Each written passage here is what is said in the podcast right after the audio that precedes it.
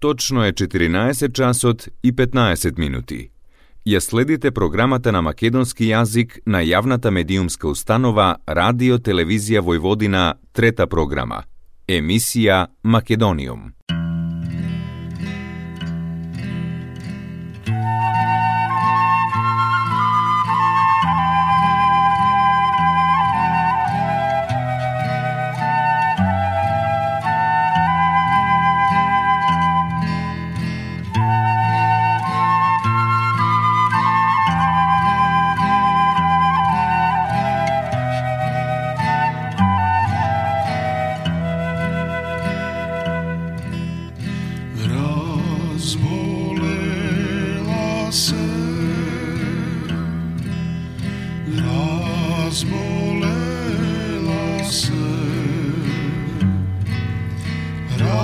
once more.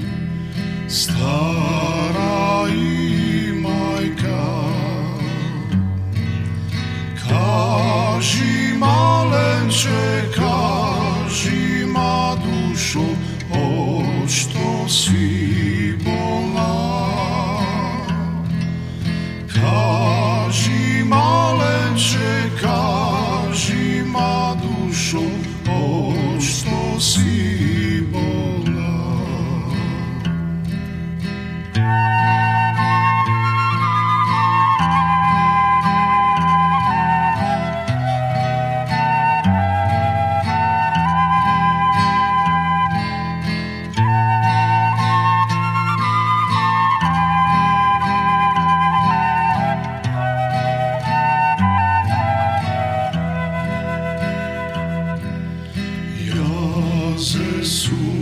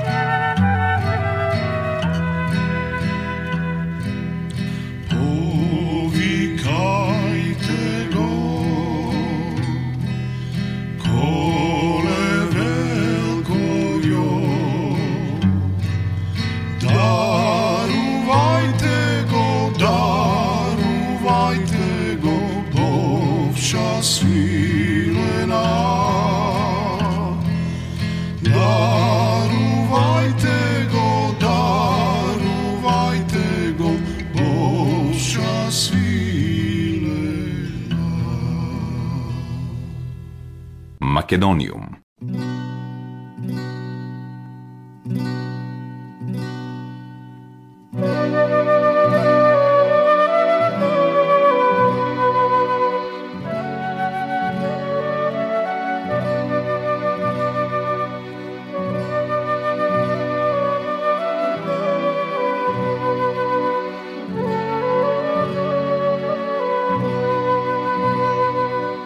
Добар ден и добре дојдовте во најновото издание на емисијата Македониум.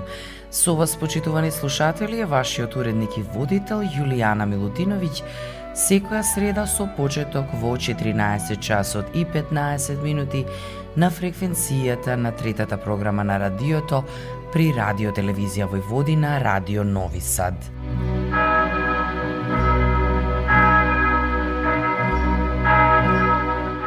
Како што најавив минатата среда, денес во Македониум ќе го слушнеме и кусиот разговор кој се случи непосредно пред гостувањето на Македонската опера и балет во Белград со операта Севинскиот Бербер на Джоакино Росини, а диригент беше нашиот млад маестро Иван Еминовиќ кој ни гостува денес.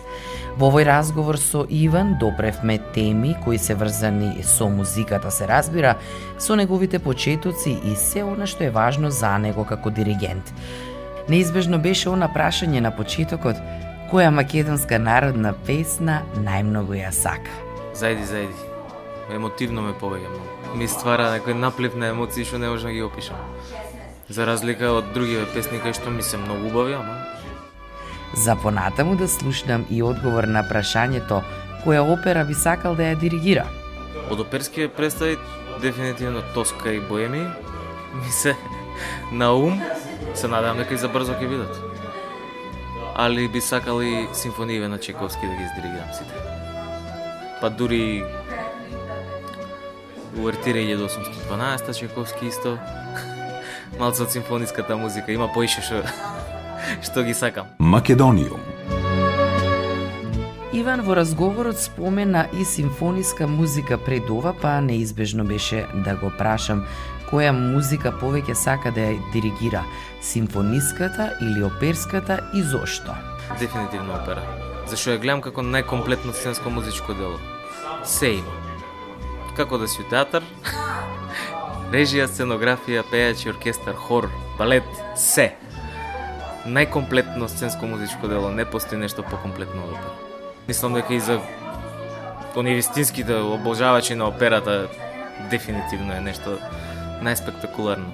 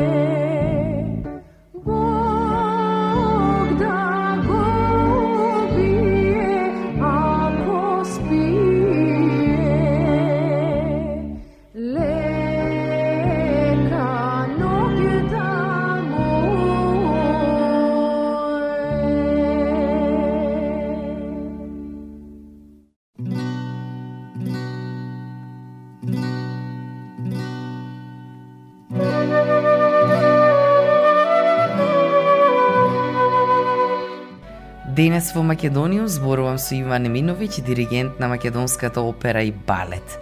Пред гостувањето со Севилскиот Бербер во Белград, зборувавме и за тоа со кој оркестар би сакал да работи. Првенствено само да си кажам дека нашиот оркестар си е наш. И не би го менјал за ништо. За ништо не би го менјал. Прво е пријателството пресудно, мислам, со колегите.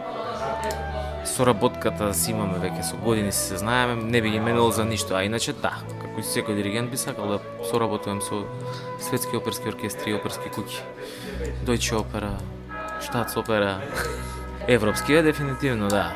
Американски е можда, ама европските си се number one нормално Миланска скала, Сан Карло да не ги споменувам, тие си се у топ 5 исто, али многу треба труд и пат за до таму. Јас сум до душа млад, ама има време. Диригенти секако пред 50 не ги е сапат многу многу. Македониум. Се разбира, не постои гостин во мојата емисија кој не ни кажал која музика сака да ја слуша. Ја да ви кажам, израснав со рок и со метал. со тоа израснав прв бенд што почнав да го слушам беше ја што памтам, пред тоа не памтам. Значи со Purple почнав. Па се надоврза после White Snake, Black Sabbath и Maiden, Manowar и компании сите таму. Израснав на концерти имав. Белград, Софија, Загреб. Сегде, пошто кај нас, нели, нормално не доаѓа.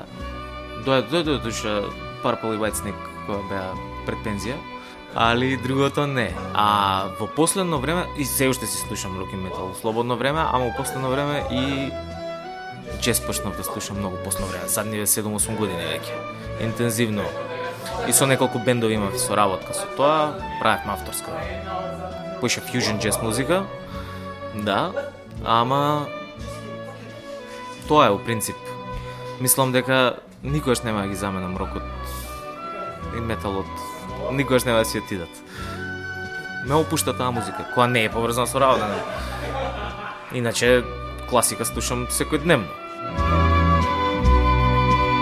Најтешкото прашање за музичарите овој пат за Иван Еминовиќ беше прашањето која е негова омилена опера. Сите ми се омилени на свој начин.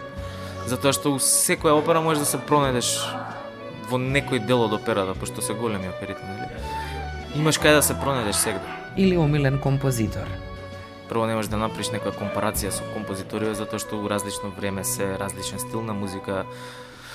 Така да секој си има свој многу го одбегнуваат Моцарт мене, Моцарт мене на омилените композитори. Пример, претежок за диригирање, претежок за свирење, толку чист, толку не знам, сончев, ама ете, многу го одбегнуваат, затоа што е многу комплексен за свирење.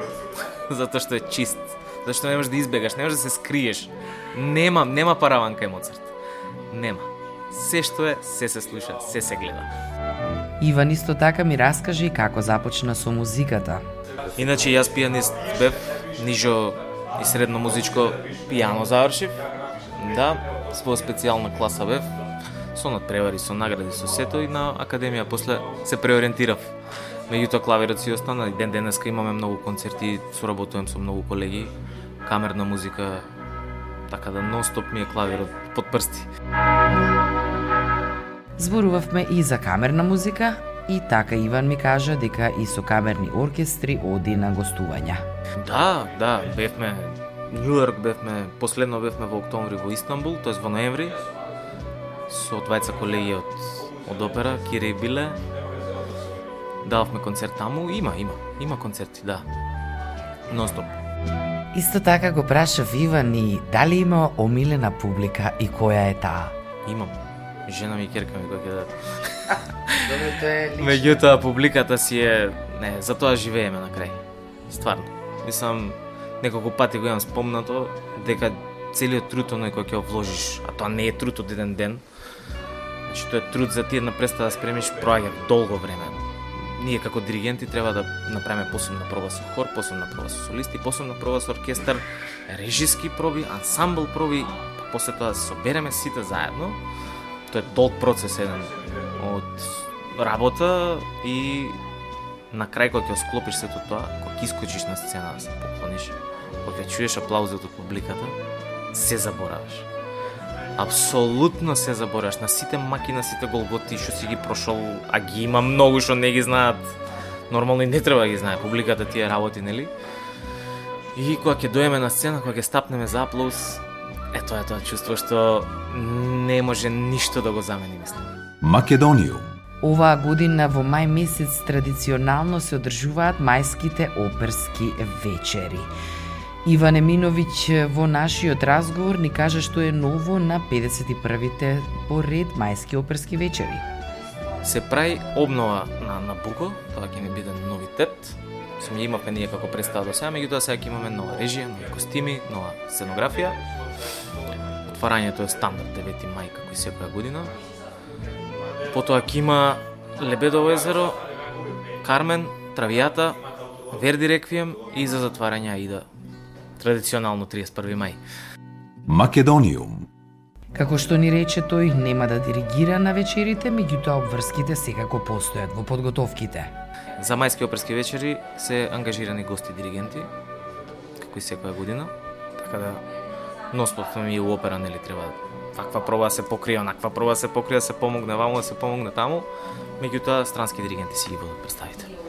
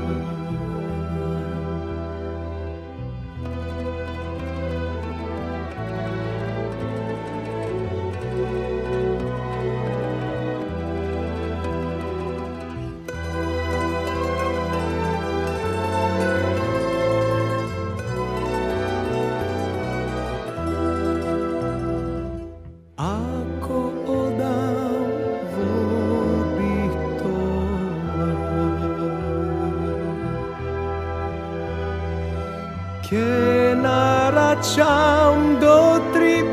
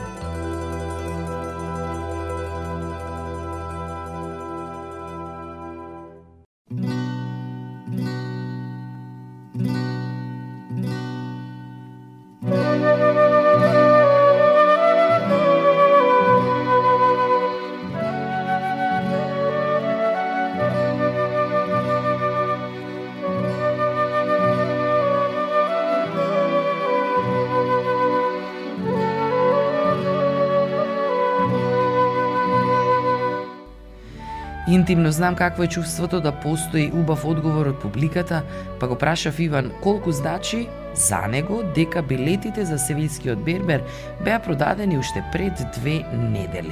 Многу значи. Многу значи. Кога имаш публика дека знаеш, кога доаѓаш на некое место кај што знаеш дека публиката сака да те чуе и да те види, и одговорноста е нормално голема, ама чувството е неописливо исто.